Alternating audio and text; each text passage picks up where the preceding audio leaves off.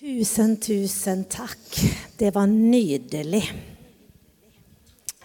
Håper du nøt av det der. Du, det er han Erlend som skal preke i dag. Men så har jeg fått lov å ha en liten førrett, og så kommer han med hovedretten. Men det er sånn at det er liksom så trangt om å preke i denne menigheten, for det er så mange. Så jeg måtte snike meg inn hvis det skulle bli tid. Nei da. Jeg har et, eh, et fint budskap til oss. Og jeg veit ikke når du starta din samtale med Jesus. Kanskje du ikke har startet en samtale med ham? Jeg startet en samtale når jeg var over 20 år. Jeg var kanskje 23. Jeg var godt voksen. Og den samtalen har jeg nå hatt i 33 år. Og hva mener du med det? En samtale med Jesus? Nei, bare det at jeg har litt sånn indre kontakt og kan sende alt opp til han og legge ting hos han og prate om ting og spørre hva er det her, og hvordan skal jeg gjøre det med det, og hva er meningen med det her? Vi har en del samtaler, Jesus og jeg. Og jeg tenkte vi skulle si noe om samtaler nå. Er du klar for det? Er du glad for samtaler? Vi snakker om hva som er viktig, og nå skal jeg dele noe fra Guds ord. Og det må jo være det viktigste. Nei, jeg satt og tenkte på det. Jeg tror det er samtalen du har med andre mennesker og med Jesus. Hva gjør en samtale med deg? Jeg speiler meg i en samtale. Jeg blir oppbygd i en samtale. Jeg blir utfordra i en samtale. Jeg får nye perspektiver. Og jeg går ofte derifra litt sånn der Wow, det her var koselig. Det her var godt. Litt sånn som de sier det, det brenner, liksom. Du blir oppmuntra. Du, liksom, du blir entusiastisk. Så samtaler oss imellom er skikkelig viktig. Og nå er jo det en fortsettelse på foajé. Ni skjønner den nye kulturen her, at vi skal samtale med hverandre. Så det er jo liksom, eh, Preken er jo ut ifra den nye foajeen, vet du. Men jeg har allikevel lyst å dukke opp i to små fortellinger. Og du kjenner til dem, så nå skal vi ta Det står i Lukas 19, og vi kommer dit nå i bibelleseplanen denne uken. Og der står det om Sakkeus han som var en rik toller. Og Jesus beskriver på en måte at det var en mann, og han var rik, og han var toller. Men han var rik på urettferdig. Han var korrupt. Og da visste jo alle. Men det var noe med Sakkeus at han hadde tross alt hørt om denne Jesus, og han var litt nysgjerrig. Og det var veldig mye folk når Jesus skulle komme denne dagen. Og for, å, for at folket sto i veien, for Sakkeus var litt liten til vekst. Så han måtte klatre opp i et tre. Og der følte han vel at han hadde litt oversikt og litt distanse til både folk og Jesus. Og så kommer Jesus gående, og det er det han er, han er overalt, og han er for alle. Han kommer gående, og idet han ser Sakkeus oppi treet, så stopper Jesus og ser opp. Og jeg lurer egentlig på Har de fortalt at han den der luringen må du ta? Han har så mye synd i livet. Gå etter han. Se han der. Han må du snakke med. Eller var det på innskytelse at han faktisk kjente noe bare Altså litt sånn overnaturlig, på en måte. Litt sånn kunnskapsord. Litt sånn spennende ting som vi opplever. Ja, vi kan jo spekulere. Men i hvert fall så sier han, 'Jeg vil bli med deg hjem i dag, Sakkeus. Jeg vil gjeste deg.' Tolleren, korrupte Sakkeus, hva tenkte han? Han var såpass nysgjerrig at han ble glad. Mennesker vi møter, hvis vi møter mennesker og sier du, 'Bli med meg til kirke', eller 'Kan jeg få bli med deg', eller 'Kan vi ta en kaffe'? Eller, folk vil prate. Folk vil ha samtale. Han hoppa ned og ble glad. Han som sto på avstand og kanskje var litt skeptisk, eller lurte på hva det var. Folk var i hvert fall skeptiske til han, for de begynte å knurre. Ja, men Hvorfor skal du bry deg om en sånn mann? Jesus ble med han hjem. Og så står det så vakkert etter en samtale med Jesus. Det står ingenting hva den samtalen inneholdt. Og der kan du spekulere. Hva sa Jesus? Tok han opp denne synden? Tok han opp alt han hadde stjålet med han? Eller tror ni at Sakkeus visste hva galt han har gjort? Jeg tror det avsløres med svaret. Jeg skal lese svaret. Da sto Sakkeus fram og sa til Herren se, se, Herre, jeg gir halvparten av alt jeg eier, til de fattige. Hvis jeg har tatt noe fra noen ved falske anklagelser, gir jeg tilbake fire ganger så mye. Jesus svarer, i dag har frelse kommet til dette huset. Han sier 'hvis jeg har tatt'. Har du ikke det, da, Sakkeus? Du har nå vært og stjålet. Han veit jo om hva han har gjort. Jeg tror alle mennesker vet om om det er ting som ikke står helt bra til. Om jeg har krangla med, med, med, mannen min, og kona har krangla med meg. Altså, klart vi vet hva som ikke er bra i livene våre. Hvordan det står til hjemme. Hva atmosfære er det i huset vårt? Hva er det jeg gjør på jobben? Hva er det jeg holder på med? Alle vet jo sjøl hva de holder på med. Her omvender han seg etter en samtale med Jesus. Og han får et nytt liv. Så skal jeg ta det med til en annen beretning der vi har en samtale. Jeg vet ikke om vi får opp den, Oliver, eller så skal jeg lese den historien. For det er en sånn gjemt godbit. Og den er i Johannes evangeliet og kapittel 1. Og det, her, har, det handler om Johannes sine disipler. For du skjønner at Johannes hadde noen disipler. Og så kommer Jesus på banen. Og så står det i vers 35 og videre. Dagen etter sto Johannes der igjen sammen med to av disiplene sine. Mens han ser på Jesus som kommer gående, så sier han, 'Se, der er Guds lam.'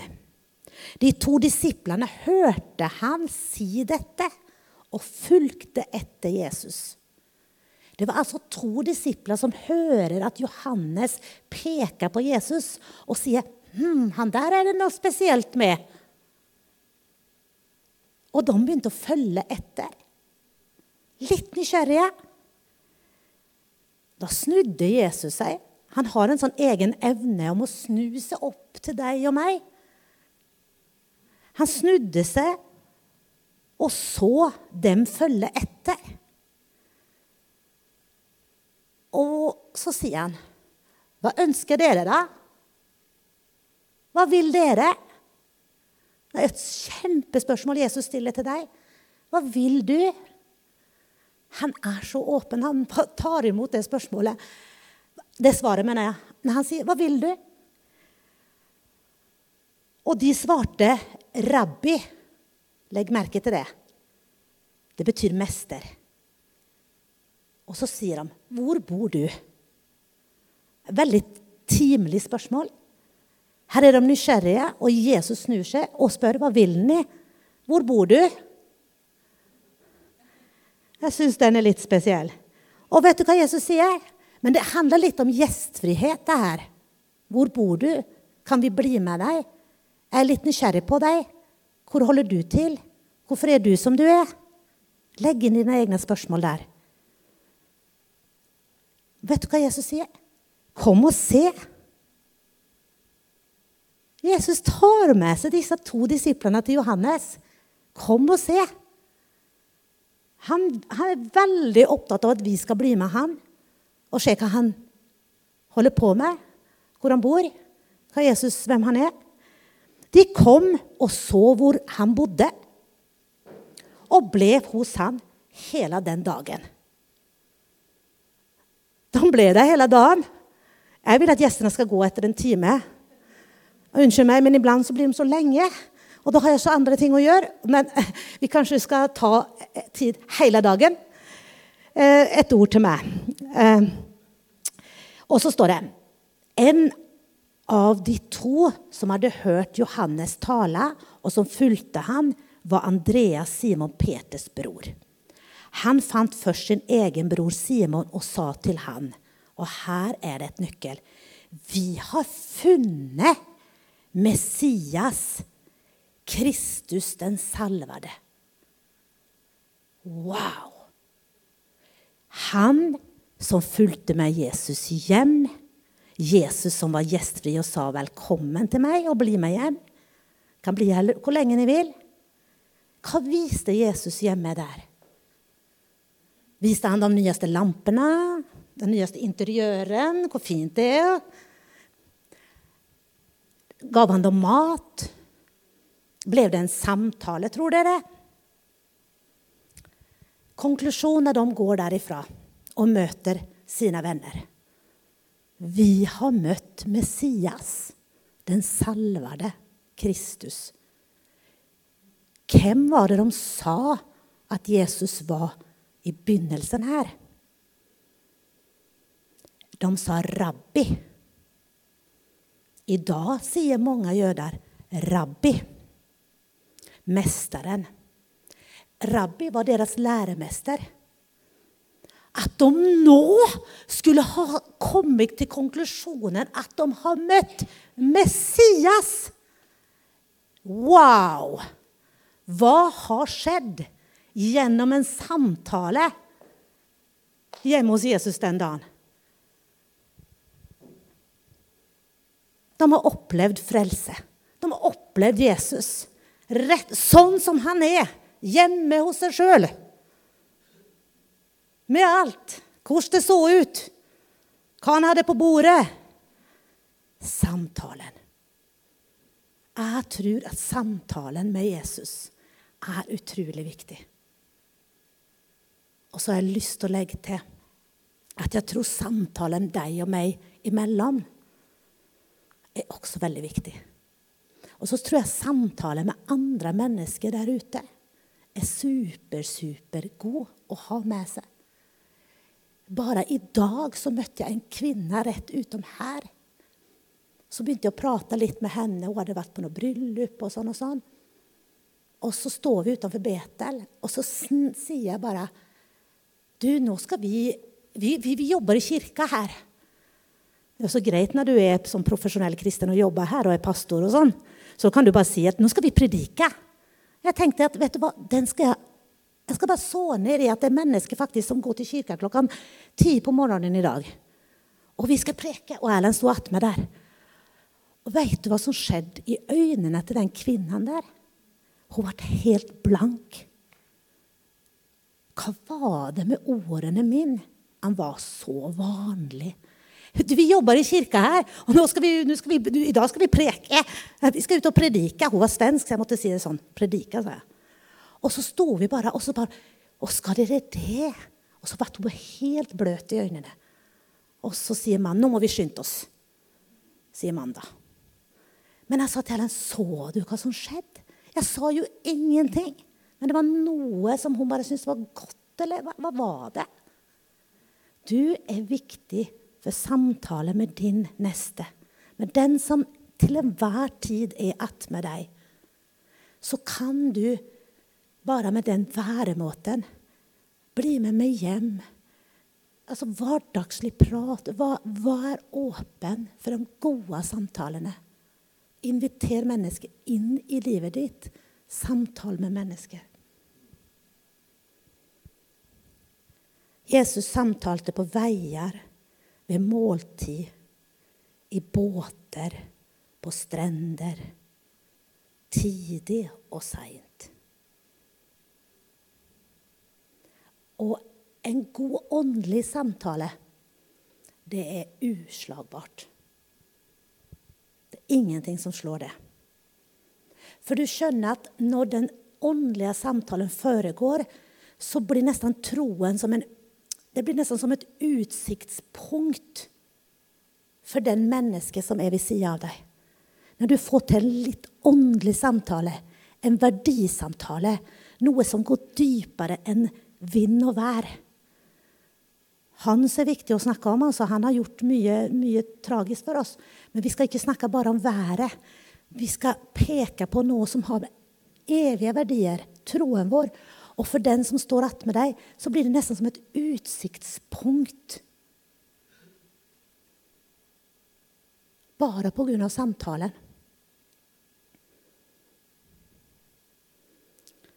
Men styrken til slutt, det er at samtalen er personlig.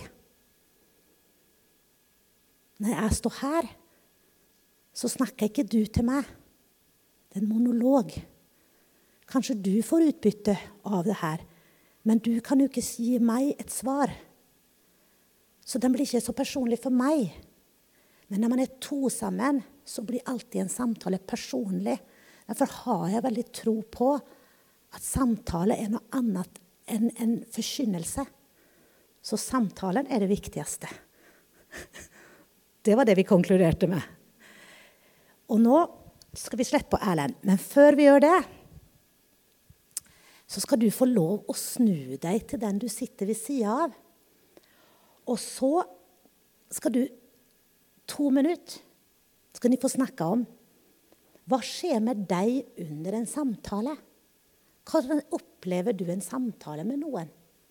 Hva skjer med deg under en samtale? Vi vet at det skjedde noe med Sakkeus. Vi vet at det skjedde noe med disiplene der til Johannes. Hva skjer med deg? To minutter mens Erlend gjør seg klar. Vær så god. Det er litt koselig at det summer i kirka. Veldig bra. Veldig bra.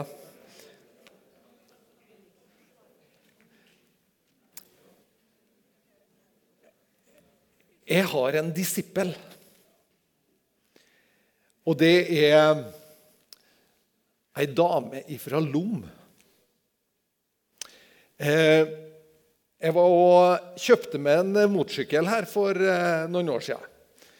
Og så kjørte jeg oppover fra Oslo og så kom jeg til Lillehammer og stoppa på Circle K på Lillehammer og skulle liksom inn og varme litt for at det var litt sånn kjølig. Og Så jeg satt liksom og drakk kaffe, og så er det altså et par som sitter Kanskje ikke et par, eh, jo, et vennepar som sitter litt lenger bort. Og så eh, sitter de og prater, og så plutselig kommer mannen bort til meg. Og så spør han eh, Det er jo sjelden du får sånne spørsmål. Men han spør altså Du, vi satt og så på det. Og så tenkte vi Han der mannen, han er lykkelig. Det Og det er klart, jeg har kjøpt meg en ny motorsykkel, så det er jo naturlige årsaker til det. Men, eh, men jeg valgte jo da å skylde på Jesus. Så da fikk jeg en samtale på bensinstasjonen. Og så ble vi venner på Facebook. Og så har vi skrevet mange ting fram og tilbake. Og så har vi fått leda henne inn i et fellesskap. Og det er ikke så lett på Lom. Men allikevel veldig artig at en liten samtale på en bensinstasjon kan skape nysgjerrighet, kan åpne opp og kan eh, kanskje bli en del av nøkkelen. Kanskje det lå en lengsel fra før. Kanskje det var en åpenhet i hvert fall en lengsel etter å oppleve noe mer. Så jeg har en disippel på Lom. Det er jeg veldig stolt over. Ikke alle som har det. Mange har jo et søskenbarn på Gjøvik, men disippel på Lom, det, det, burde alle ha. Så bra. Eh, Annika, det er fint at du deler med oss. Altså. Eh, at vi tok eh, ikke forrett, men at vi tok hovedretten med det. Det var veldig fint. Du, nå er det sånn at Jeg vet ikke hvor mange Har vi noen småbarnsforeldre som, som, som sender unger på barnehage og sånn? Har vi, de? vi har noen der?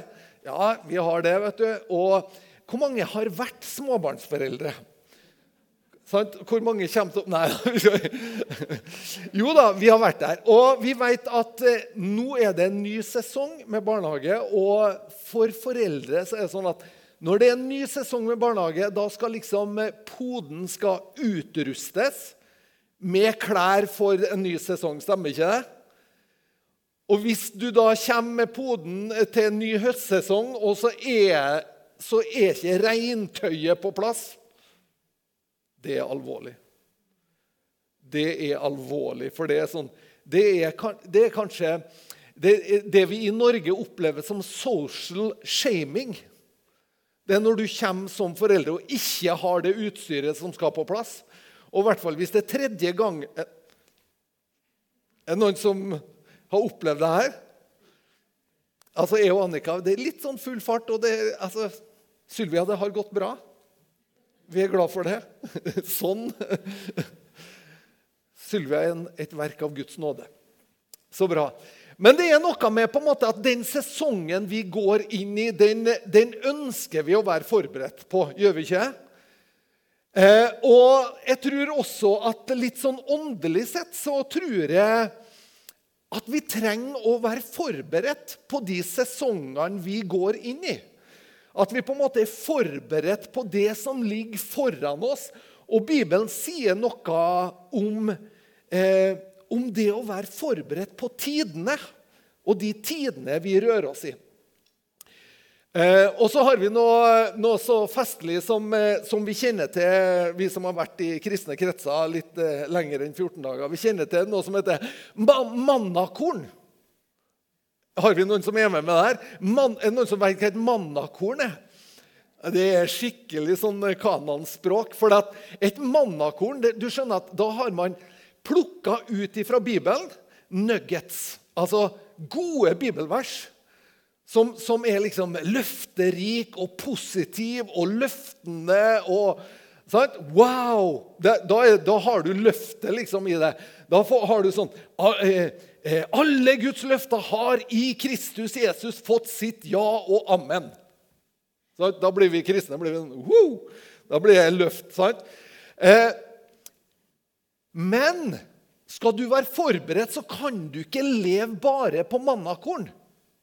Skjønner du? Fordi at det å leve bare på mannakorn det blir litt sånn fattig kost, for du får ikke helheten av Guds ord.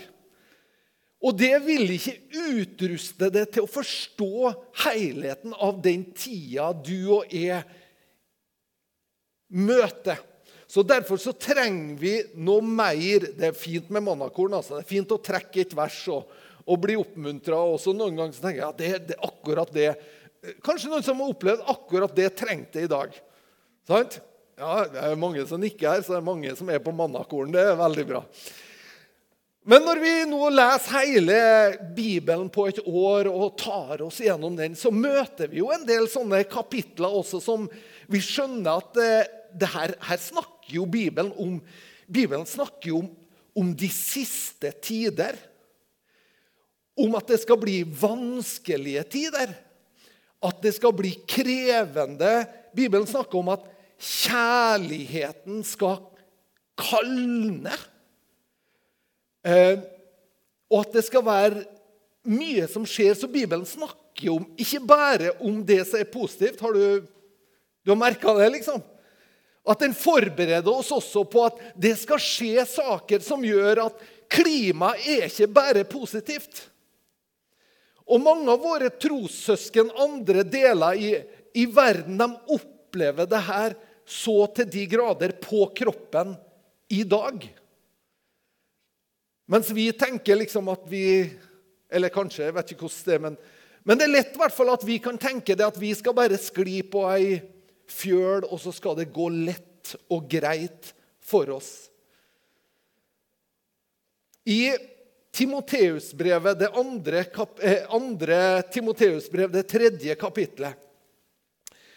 Der er det altså Paulus som oppmuntrer Timoteus til å være hans etterfølger. Og vi skal lese noen vers der fra kapittel 3. Andre Timoteus. Men du har etterfulgt min lære, min livsførsel, min hensikt, min tro, min tålmodighet, min kjærlighet, min utholdenhet. Så langt er det veldig positivt, det han har hengt på. Lære, livsførsel, tro, kjærlighet. Alt det her kjempepositivt. Men så kommer det noe som vi ikke snakker så mye om i vers 11. Mine forfølgelser, mine lidelser, som jeg fikk i Antiokia og i Konium og i Lystra Ja, hvilke forfølgelser har jeg ikke holdt ut? Men Herren har fridd meg ut av dem alle. Så Paulus han snakka om at han også har opplevd ting når han har vært en troende som ikke har vært positivt. Som har vært negativt, krevende og vanskelig. Og oppmuntra da Timoteus til å være en etterfølger også i det som er negativt. Det er det vi kaller en ordentlig supporter. Sant? Hvis du er, eller så kan du være en medgangssupporter. Liksom når alt er greit, da er det lett. Og Det er klart, det er lett å si halleluja når alt er halleluja. Men hva sier vi når liksom livet det røyner på, det er litt tøft? Når det er litt krevende, hvor er vi da? Og Jesus han eh, sier noe om det her i Lukas evangeliet. Og Der skal vi lese i det tolvte kapitlet og noen vers. Jeg kommer for å kaste ild på jorden, og hvor jeg skulle ønske at den allerede var tent. Han ville at Den hellige ånds ild skulle tennes. Kjærlighetsbrann i hvert menneske som kom i berøring med ham. Det er den ilden Jesus ønsker å tenne. Han ønsker at det, det er en ild, en lengsel, i hvert menneske som brenner av kjærlighet til sin neste. Og så sier Jesus, 'Jeg har en dåp å døpes med', og hvor jeg gruer meg til den blir fullført. Jesus han snakka om en dåp som han skal døpes med, som han gruer seg til. Og det er faktisk en dåp som vi kanskje heller ikke snakker så ofte om. Fordi at Bibelen snakker om fire typer dåp. En er dåp med Den hellige ånd og ild dåpen i Den hellige ånd. Bibelen snakker om Johannes sin dåp. Johannes døperen han kalte mennesker til omvendelse, som var en omvendelsesdåp. Og så snakker Bibelen om eh, dåpen til Kristus, som er en god samvittighetspakt med Gud. Som er en begravelse av det gamle livet og en gjenoppreisning til et nytt liv. Men så snakka også Bibelen om lidelsens dåp. Og det var den dåpen Jesus grua seg til. En dag så kommer det ei ambisiøs mor til Jesus med to av sine sønner. Og hun sier hun er da, hun er da gift med Sebudeus, og hun er mor til Jakob og Johannes. Og hun har ambisjoner fordi at hun har skjønt at det er noe stort på gang når det gjelder han her Jesus. Det er liksom, Nå er det noe stort på gang, så hun kommer med forventninger, og så spør hun Jesus mine sønner, de her to kjekke karene er noen mødre som kjennes igjen. De her to kjekke sønnene mine, kunne vi ikke ha gjort ei ordning sånn at de kunne ha fått sitte på din høyre og venstre side i ditt rike, når du liksom ut Når Messias-riket tar tak. Så hun har skikkelige ambisjoner på vegne av sønnen sin. Og hun syns kanskje hun har ofra såpass i kollekten at hun har kunnet si det med litt tyngde og frimodighet. Og vet du hva Jesus svarer? Da svarer Jesus noe som er litt merkelig. Han sier at Kan dere døpes med den dåp som jeg skal døpes med? Og da snakka han om sin egen lidelse og død. Og uten å vite hva han snakker om, så sier jo de her guttene ja, ja, ja. Vi er med. Vi er på. Vi er inne. Bare vi får posisjon, så er vi med. Og hvor snever kan vi bli, liksom? På våre egne vegne og liksom ja, ja, Bare vi får, får våre behov møtt, så Nei da, det går bra, ja. Frimodig, sier han. Og så svarer Jesus og sier han, ja, det skal de få. De skal få døpes med den dåp som jeg døpes med.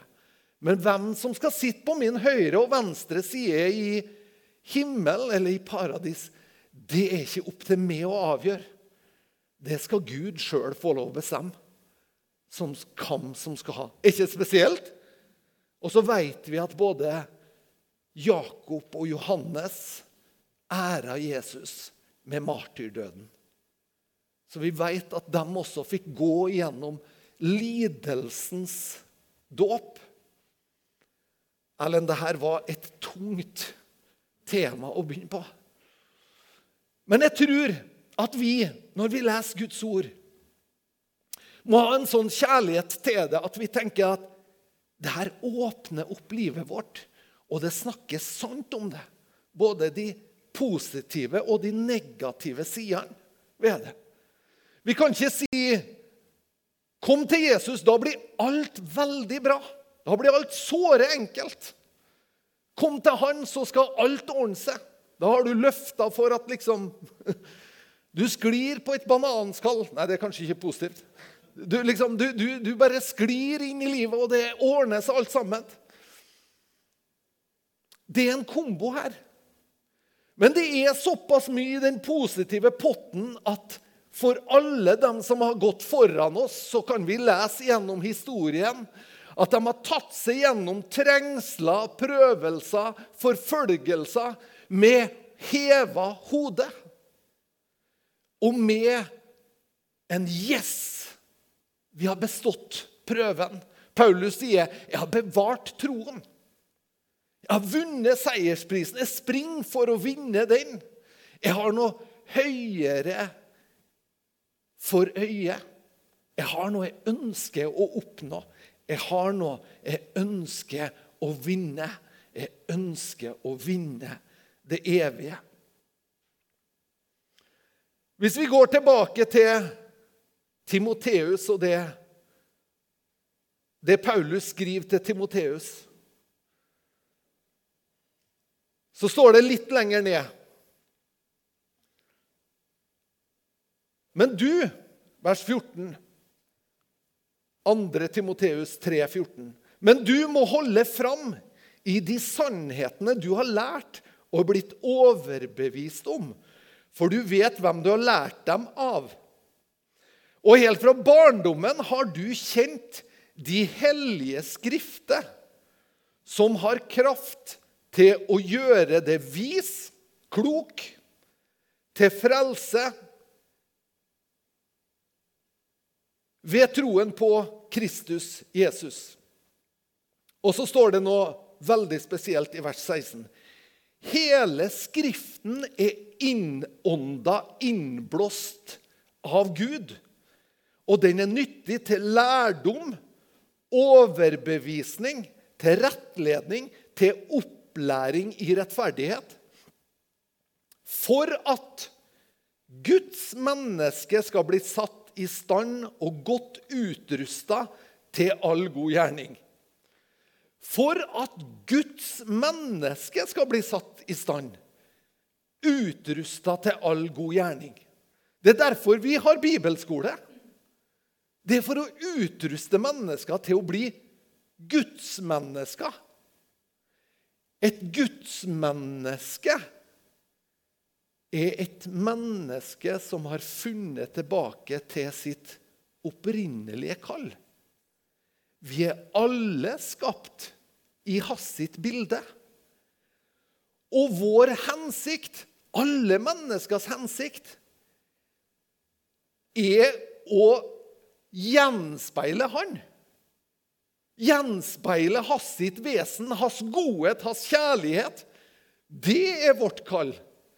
Så han vil at vi skal ta til oss ordet, sånn at vi kan bli utrusta og gjort i stand. Rettferdiggjort. Rettferdiggjort. Hør på et sånt ord. Det, er, det, er liksom, det betyr at du er fri. Når du har gjort rettferdig, da er du fri. Da er du ferdig med det som tynga deg, det som var krevende. Du er ferdig med det. Du har fått lagt det av deg, og det får vi lov å gjøre gang på gang. Legg det av oss og ta til oss av hans godhet. Guds ord er innånda av Gud. Hvis vi da tenker menneskesyn og gudssyn, så skjønner vi at hvis vi våger å tenke at vi som mennesker er skapt av Gud, så er det faktisk sånn at Gud har noe han vil si til oss. Og han knytter løfter til sitt ord. Han knytter sitt eget vesen til hans eget ord. Sånn at når vi forstår det, så får vi åpenbaring av hvem Gud er. Og vi kan få en liten bit av Han, og vi kan ta det til oss. Og vi kan bli satt i stand til å være et Guds menneske et Guds menneske. Det høres litt for stort ut, gjør det ikke? Høres litt stort ut. Et Guds menneske. Ja, men tenk deg at det er det han inviterer til. Han inviterer oss inn til å bli Guds mennesker. Mennesker som er prega av Gud. Som ikke er prega av hat, grådighet, gjerrighet, selvhevdelse men som isteden er prega av godhet, mildhet, saktmodighet. Guds mennesker. Kan vi få lov å invitere han inn med sitt ord? Og så står det at ordet Det står at det er skarpt. Det står at det er skarpere enn noe tvega sverd. står det. Så det skjærer gjennom marg og bein. Og så skiller det hjertets råd og tanker eller mine egne motiver. Det går så på djupet i et liv at det kan gå inn der som en finkirurg, og så kan det skille det i min sjel som er edelt, ifra det i min sjel som ikke er så bra. Så kan han hjelpe med å ta det ut.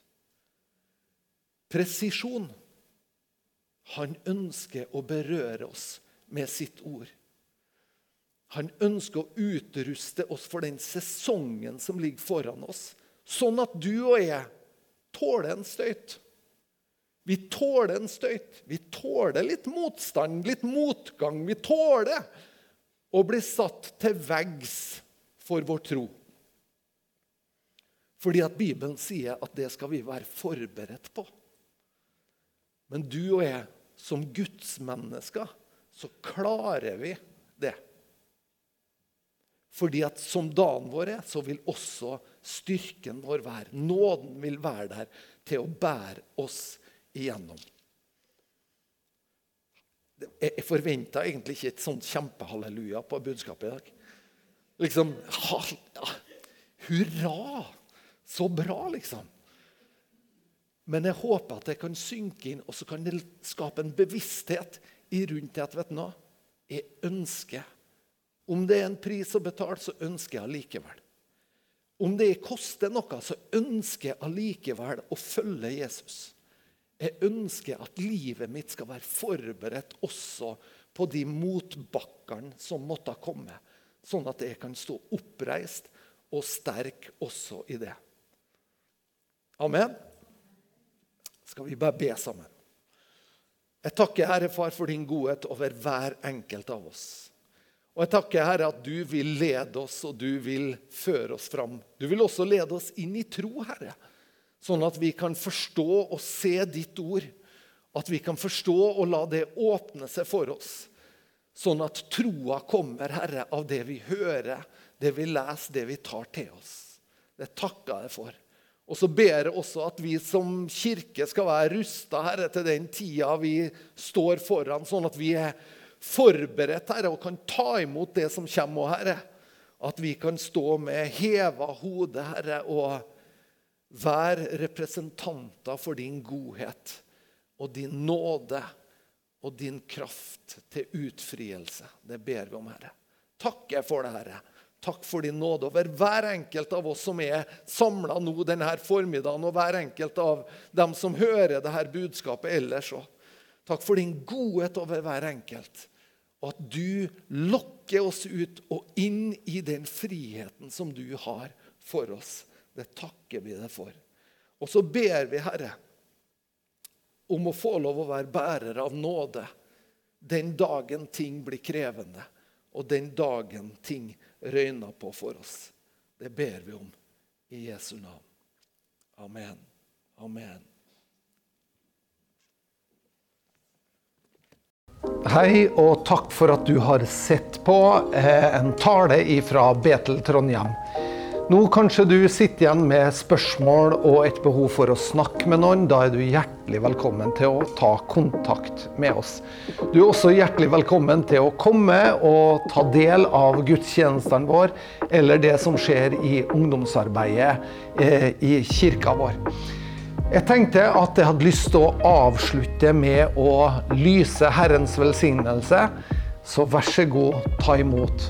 Herren velsigne det og bevare det. Herren la sitt ansikt lyse over det og være det nådig. Herren løfte sitt åsyn på deg og gi det fred.